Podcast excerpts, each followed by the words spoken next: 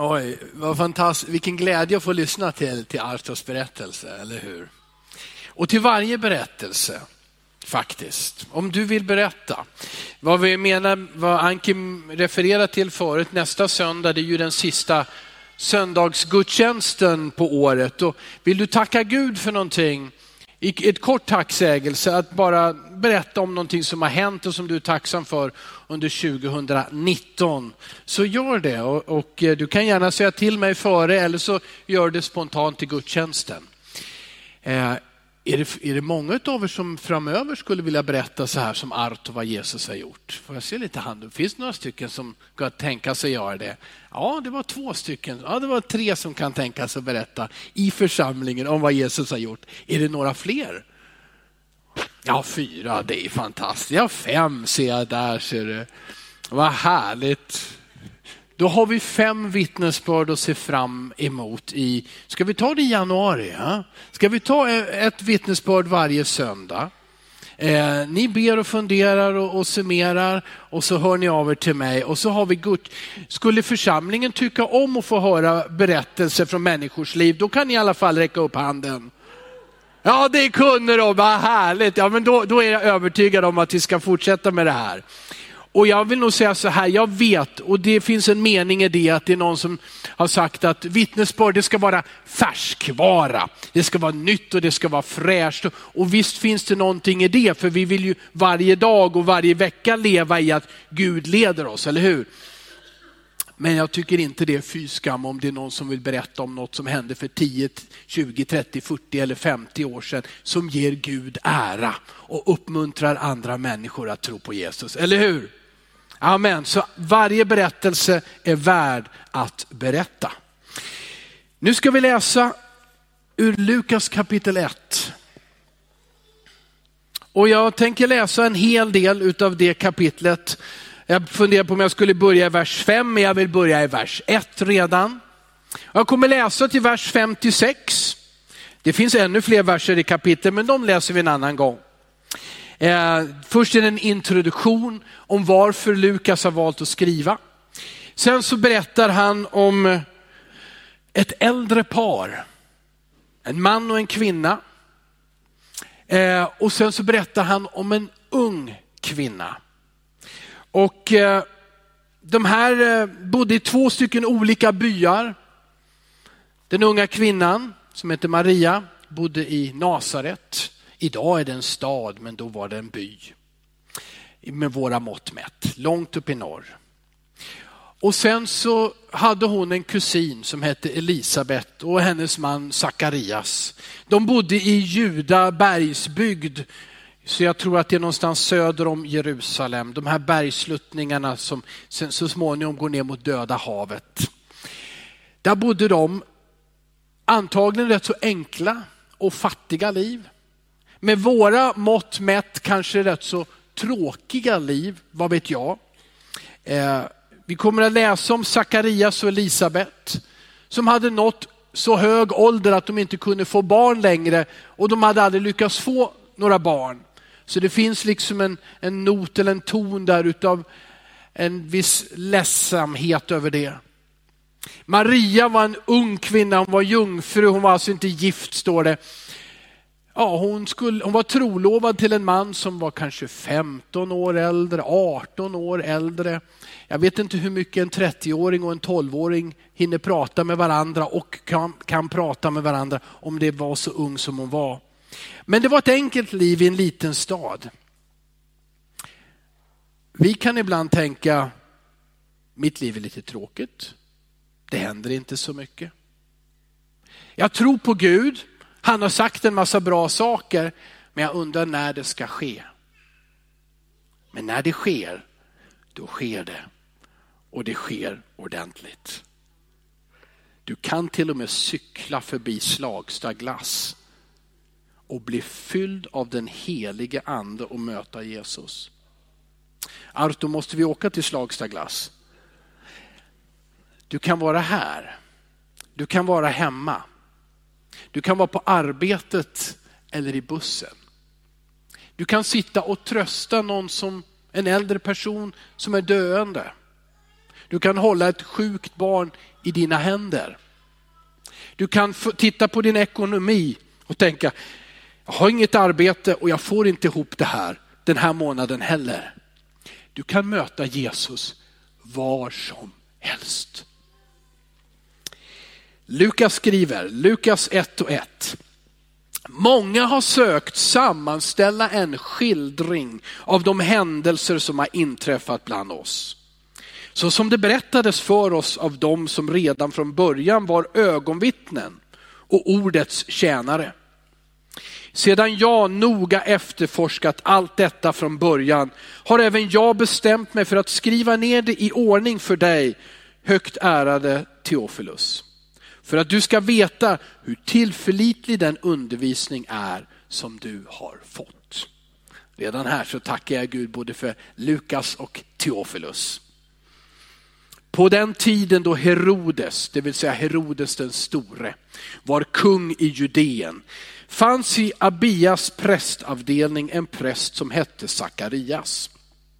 Hans hustru var av Arons släkt och hette Elisabet. Båda var rättfärdiga inför Gud och levde fläck, fläckfritt efter Herrens alla bud och föreskrifter. Men de hade inga barn eftersom Elisabet var ofruktsam och båda var till åren.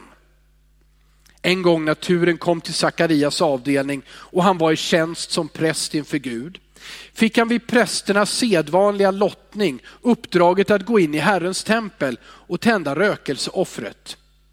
Vid tiden för rökelseoffret stod allt folket utanför och bad. En liten kort paus. Allt var som vanligt, nästan allt som vanligt. Det var inte så ofta som Sakarias vann den där lottdragningen. De var ju flera präster, men nu gjorde han det. Och så fick han förmånen att gå in i templet. Så det var lite ovanligt.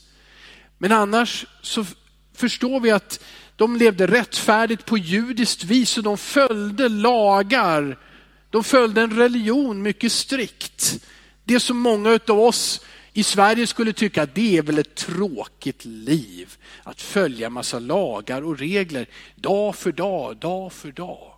Och inte ens få den glädjen som man förväntar sig av ett äktenskap. Att man kan få ett barn eller flera barn.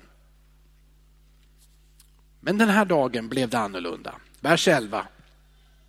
Då visade sig en Herrens ängel för honom, stående till höger om rökelsealtaret. Sakarias blev förskräckt vid synen och greps av fruktan. Men ängeln sa till honom, var inte rädd Sakarias. Din bön har blivit hörd.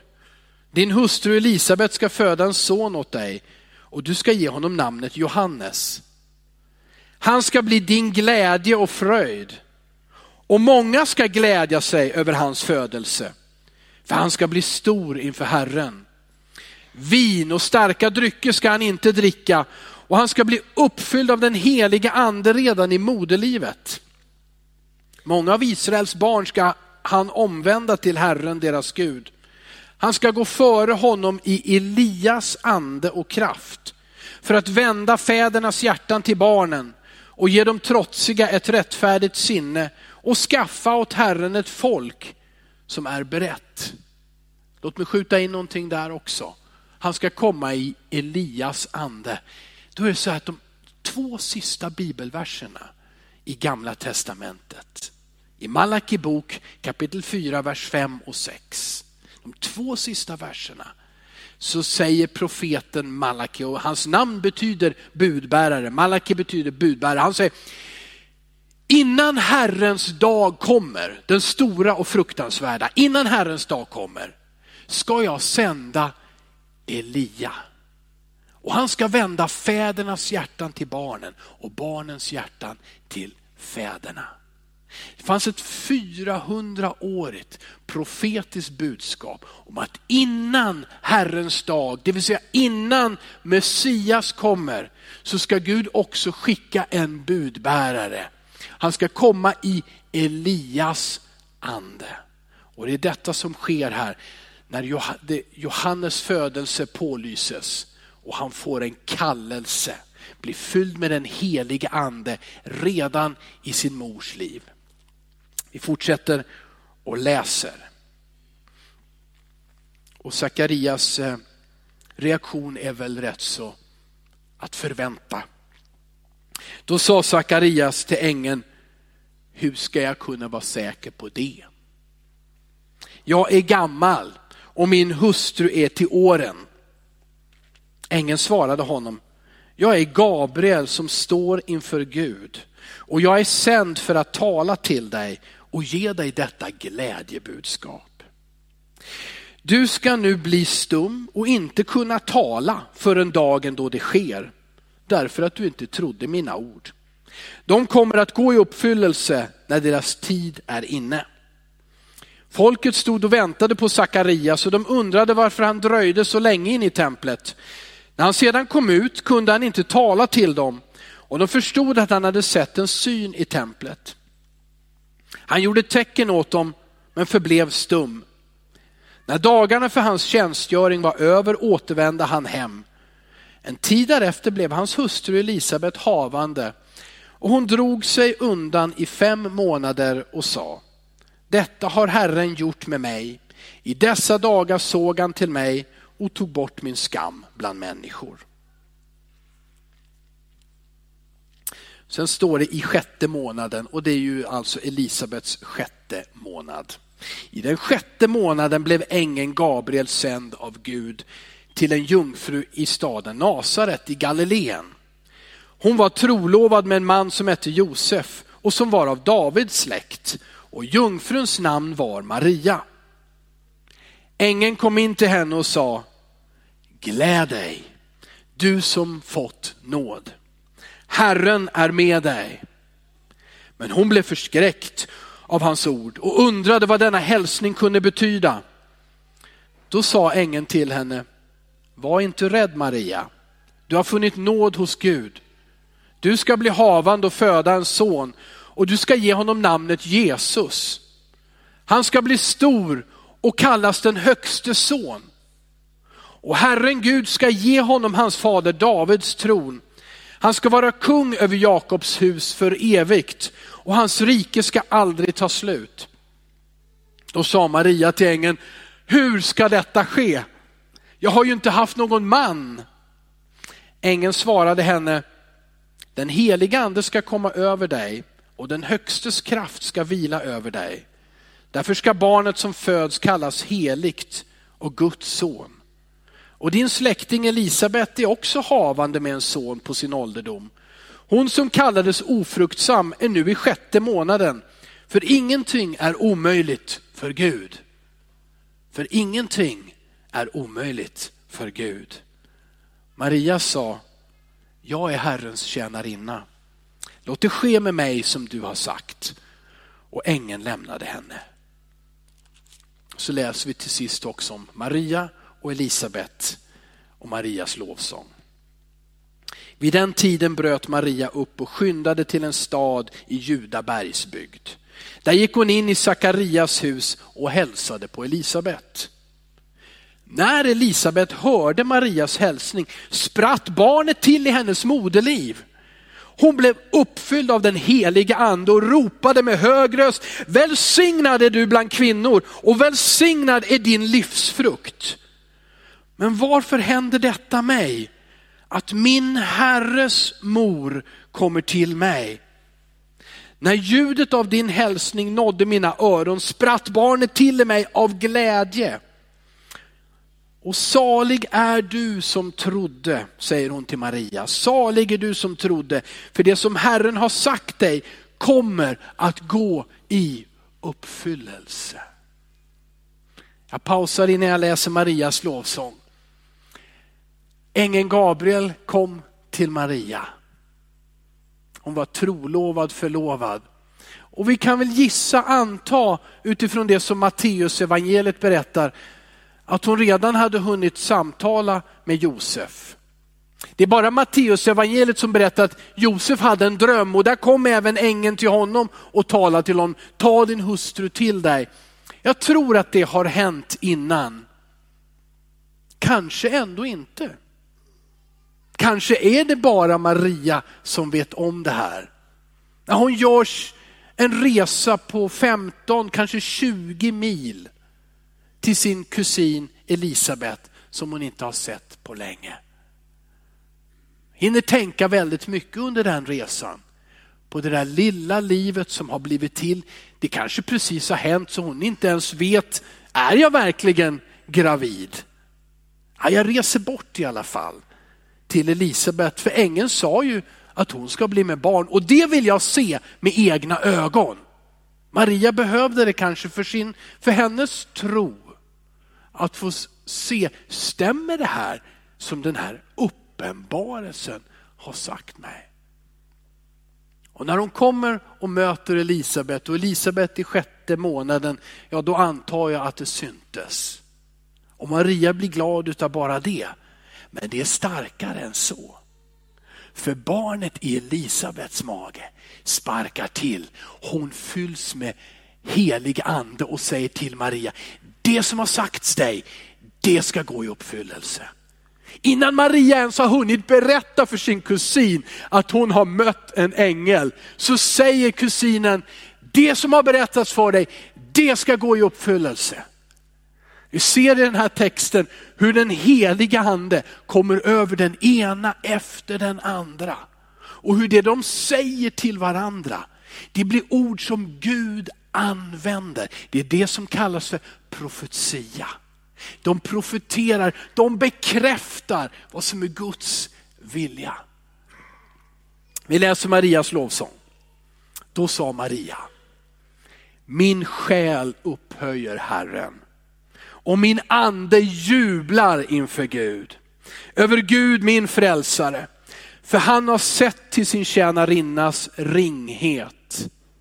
Från denna stund ska alla släkten kalla mig salig.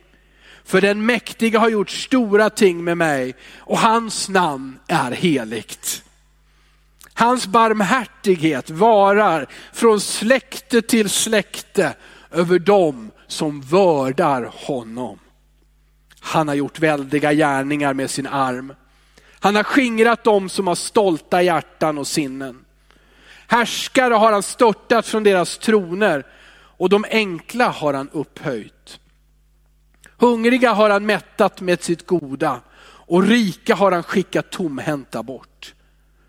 Han har tagit sig an sin tjänare Israel och tänkt på att vara barmhärtig mot Abraham och hans barn till evig tid, så som han har lovat våra fäder.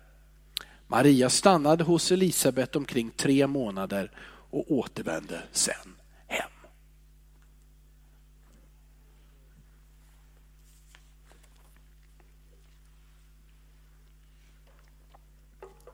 Innan jag delar några tankar, låt mig be mitt i predikan så här. Far i himlen, Tack för Lukas. Tack för hans vän Teofilus. Tack för vad som skrevs och lästes och sedan dess har läst och läst av tusentals och åter tusentals människor. Tack för de många som vittnar om att du verkligen har fötts till jorden och att du är den Messias den räddare, den kung som varje människa behöver och får ta emot i nåd. Tack för Brändas vittnesbörd och dop denna morgon. Tack för Artos möte med dig på en cykel. Tack för hans berättelse ur sitt liv denna morgon. Tack för alla som sitter här. Herre, ibland känns du nära och ibland känns du långt borta. Jag ber att du ska ha överseende med mig och oss som har så mycket känslor och ibland vill lita mer på dem än på de löften som du har gett. Låt oss växa i tro idag. Ja, låt vår tro på dig mogna idag. För de löftena är sanna. Din barmhärtighet, din nåd är evig.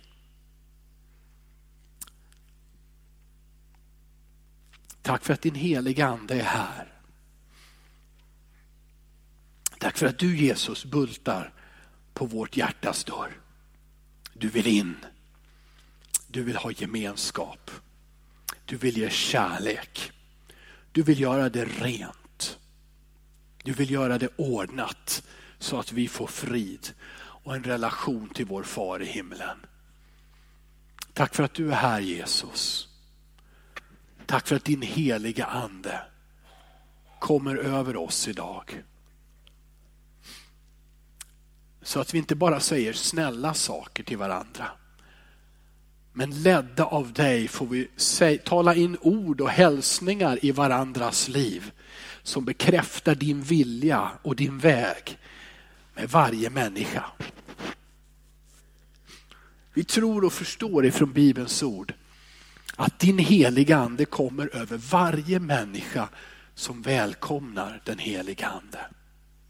Vi tror och förstår ifrån Bibeln att den heliga ande ger varje troende kristen också övernaturliga gåvor, liksom naturliga gåvor, för att tjäna dig och för att bygga upp andra människor. Och vi förstår och tror att den heliga ande ger kraft. Så att den som är enkel, ring, ung, kanske outbildad eller fattig, kan resa sig i frimodighet och berätta att Jesus lever. Jag bjuder in dig heliga ande att komma över mig, över oss, över alla som har öppna hjärtan, längtan efter helhet, längtan efter mening, längtan efter närvaro. Längtan efter en jul som inte är fylld främst av saker och mat och, och aktiviteter. Utan en jul som är präglad av din närvaro här på jorden. Ibland ditt folk, ibland alla människor som hälsar dig välkommen och hyllar dig. Tack för att du förlåter synd Herre. Jag har gjort så mycket som har varit fel Herre. Och så mycket som inte har varit av tro utan mer av otro. Men tack för att du förlåter all vår synd. Du renar oss Herre. Fortsätt att tala. Jag ber i Jesu namn. Amen.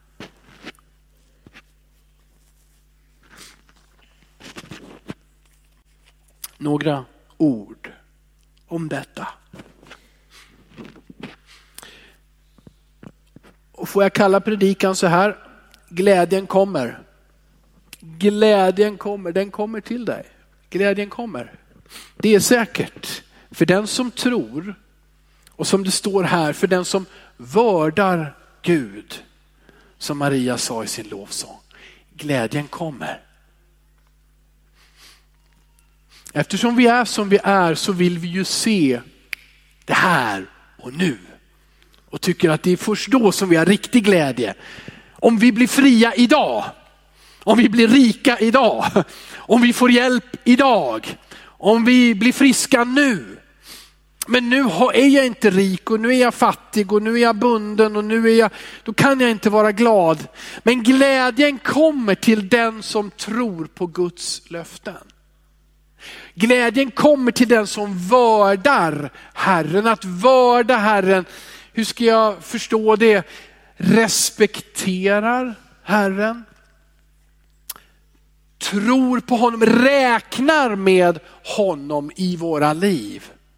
Att Gud finns och att allting som vi har är från Gud och att allting och hela vår framtid ligger i Guds händer. Jag vördar Gud med mina livsval, med mina gärningar, med mina tankar.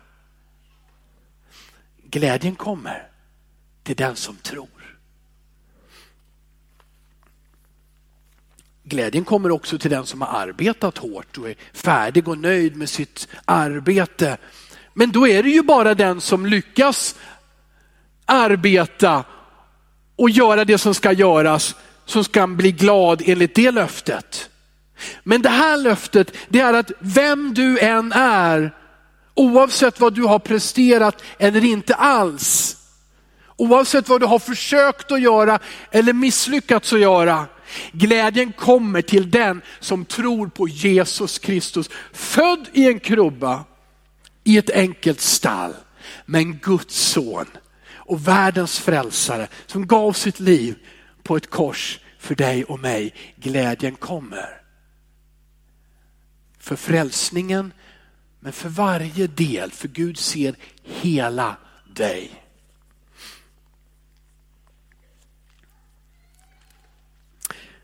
Det finns så många i den här berättelsen. Sakarias och Elisabet, Maria. Vi läste inte ens om Josef. De fick änglabesök, blev uppfyllda av den heliga ande. De började sjunga lovsånger, de talade profetiskt till varandra. Och inte bara de, fortsätter vi att läsa så berättas det om Simeon, den gamle mannen som kom till templet samma dag, den åttonde dagen när Jesus var åtta dagar gammal. Och hans judiska föräldrar frambar honom i templet för att omskäras. Då var Simeon där och fylldes med den heliga ande och sa, mina ögon har sett frälsaren. En annan gammal tant, hon hette Hanna. Hon var varje dag i templet och hon prisade Gud när hon märkte dessa föräldrar som kom med detta barn. Det hade inte hänt någonting på länge, länge, länge. Men nu kom den heliga ande över människor. Nu fick människor änglabesök. Nu skedde det. Där kom vise män ifrån öster. Och om Johannes döparen så står det att alla människor i Judea bergsbygd som hörde om det här barnet Johannes, de gladde sig och undrade, vad ska Gud göra med detta barn, med Johannes döparen, han som kom och gick före Jesus. Det var bara några som inte gladde sig. Det var Herodes. Det var kungligheterna. Det var prästerskapet i huvudstaden. När de mötte och hörde de vise männen och hörde om profetian ur Mikas bok att ja, i Betlehem ska Messias födas. Då var det inte intressantare än att de sa, ja men åk dit och titta ni, vi stannar här. De rika, de mäktiga, de inflytelserika, de jättereligiösa, de som hade skrifterna, de lät inte beröra sig. Men några änglar, nej vad säger jag, några herdar. De fick se en änglaskara som sjöng på himlen och sa att Jesus har fötts i Davids stad, gå dit. Och de skyndade sig dit för att få se, för att få hopp, för att få glädje.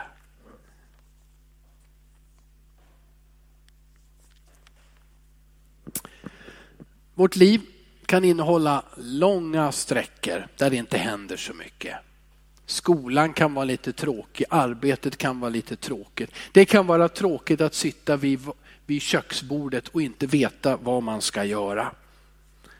Det finns tider då mycket är bra men det händer inget speciellt storartat. Det sker inte ett stort under.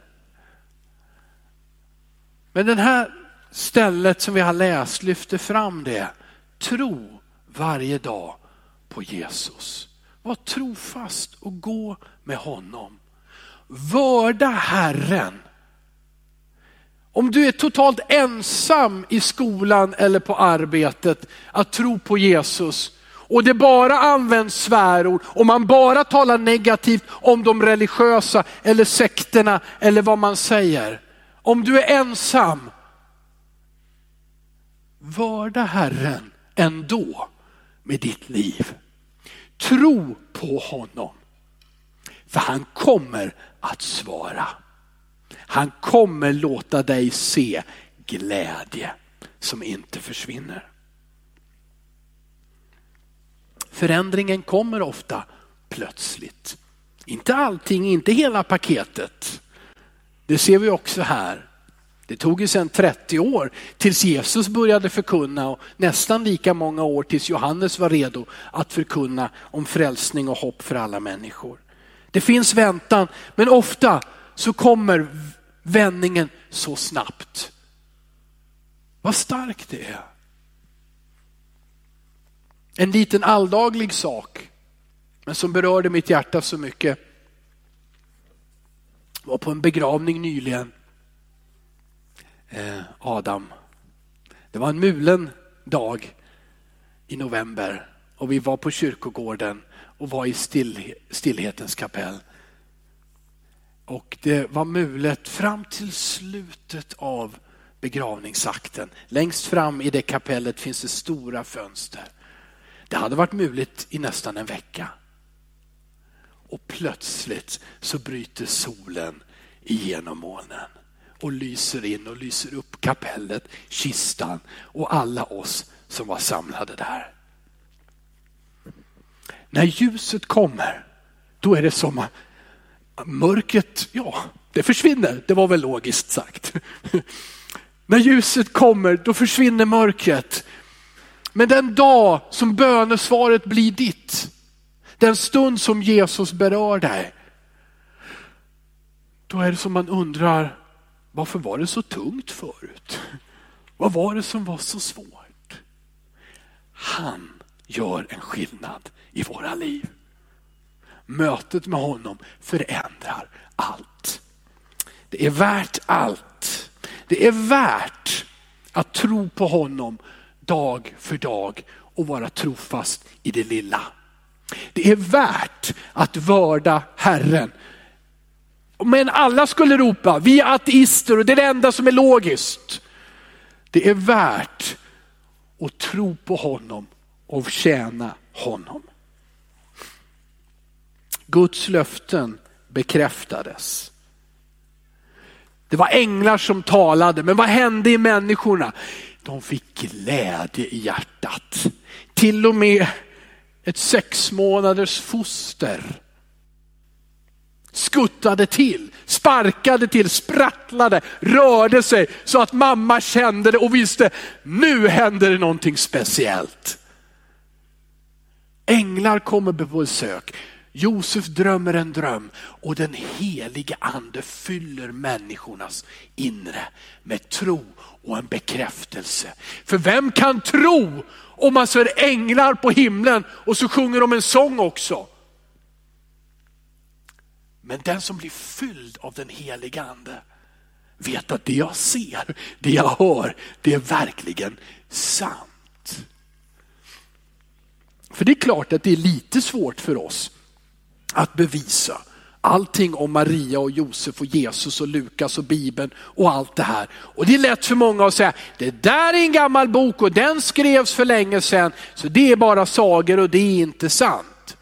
Det första jag vill säga är, är om Bibeln, att det finns så många vittnen, så många olika berättelser i Bibeln som visar på samma saker. Och det finns så många profetier, århundraden gamla, som går i uppfyllelse.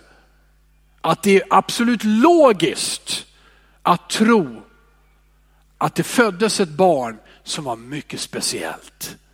Som kallas för världens frälsare. Att det barnet blev stort och hette Jesus och gav sitt liv på ett kors och blev uppväckt från döda. För där finns det ännu mera vittnen som berättar om det och att han lyftes upp till himlen och sa se jag ska komma tillbaka på samma sätt som ni har sett mig lyftas upp. Bibelns vittnesbörd är trovärdigt för den som vågar att läsa en sån utmanande berättelse. Utmanande för att den vänder på så mycket. Men det andra är att Guds helige ande är på jorden för att bekräfta för dig och mig, det är sant. Och den som bekänner Jesus, den som ber i tro, den som håller fast vid hans ord och hans löften, den helige ande ska bekräfta det i ditt eget inre, att det är sant. Kan ni säga halleluja till det? Amen. Så jag ska väl avsluta nu då. Det är advent. Det är advent. Han kommer. Han kom och han kommer. Och det poängterar väl just det här också. Att vi lever i en väntan. Vi lever i en väntan på att Jesus ska göra vad han har sagt. Han ska komma tillbaka, han ska göra slut på all död. Han ska torka alla tårar. Synden ska inte ha någon makt över någon människa, inte heller sjukdomen eller kroppslig svaghet. Ingen rädsla ska finnas mer. Han har sagt att han kommer tillbaka, men vi lever i advent. Vi väntar och längtar efter att han ska komma tillbaka. Och i det här väntan så behövs det, om man vill det eller inte, både uthållighet och tålamod. Så handuppräckning alla som anser sig själv vara tålmodiga. Vi provar att se. Ja, det var, finns en som är tålmodig. Var, ja, två. Ja, det är bra. Grattis. För att det är väldigt många andra som ofta inte tycker att de är tålmodiga och här står en som hör till den. Men man har ju inget val. Vi lever dag för dag. Vi får vänta. Men det han har sagt kommer att gå i uppfyllelse.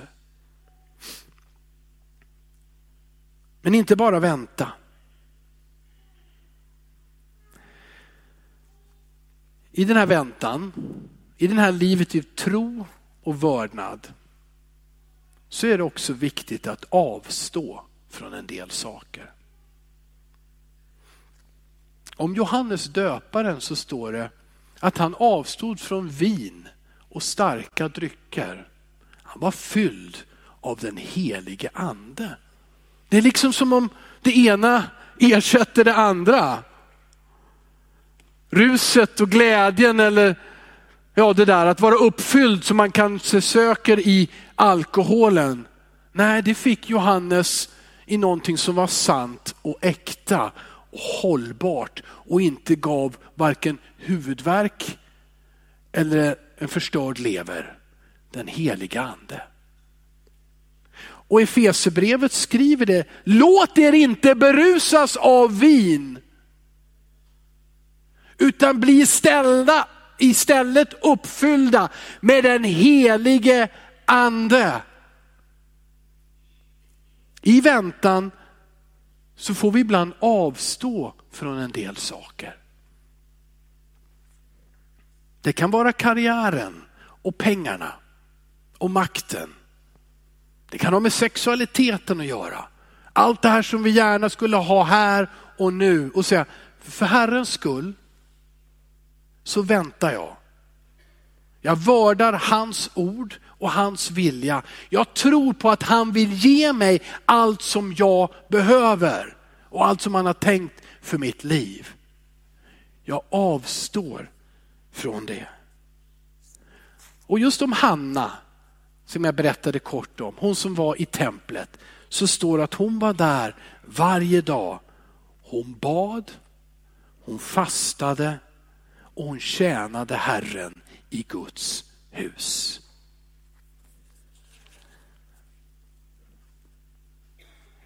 Ta med dig den här boken när du går in i julfirandet och låt den få en central plats, men inte bara i jul. Låt den vara central i ditt liv varje dag, Guds ord. Läs det. Låt bönen, samtalet med Jesus, gemenskapen med honom vara central i julfirandet, i ditt julfirande. Och sen varje dag. För du är kallad till gemenskap med honom. Avstå från det du behöver avstå från. Och du vet att det kan ibland vara mat och måltider. Och det kan ibland vara mobiltelefonen och internet. Och det kan ibland vara olika sysslor som du tycker är viktiga och som du behöver på olika sätt för ditt liv. Men för att istället så säga, jag vill be att jag blir uppfylld av den heliga ande. Att han leder mig och jag får se hans bekräftelse över mitt liv. Och jag får vara till välsignelse. Att avstå för att få. Amen. Tack Jesus för glädjen som du ger.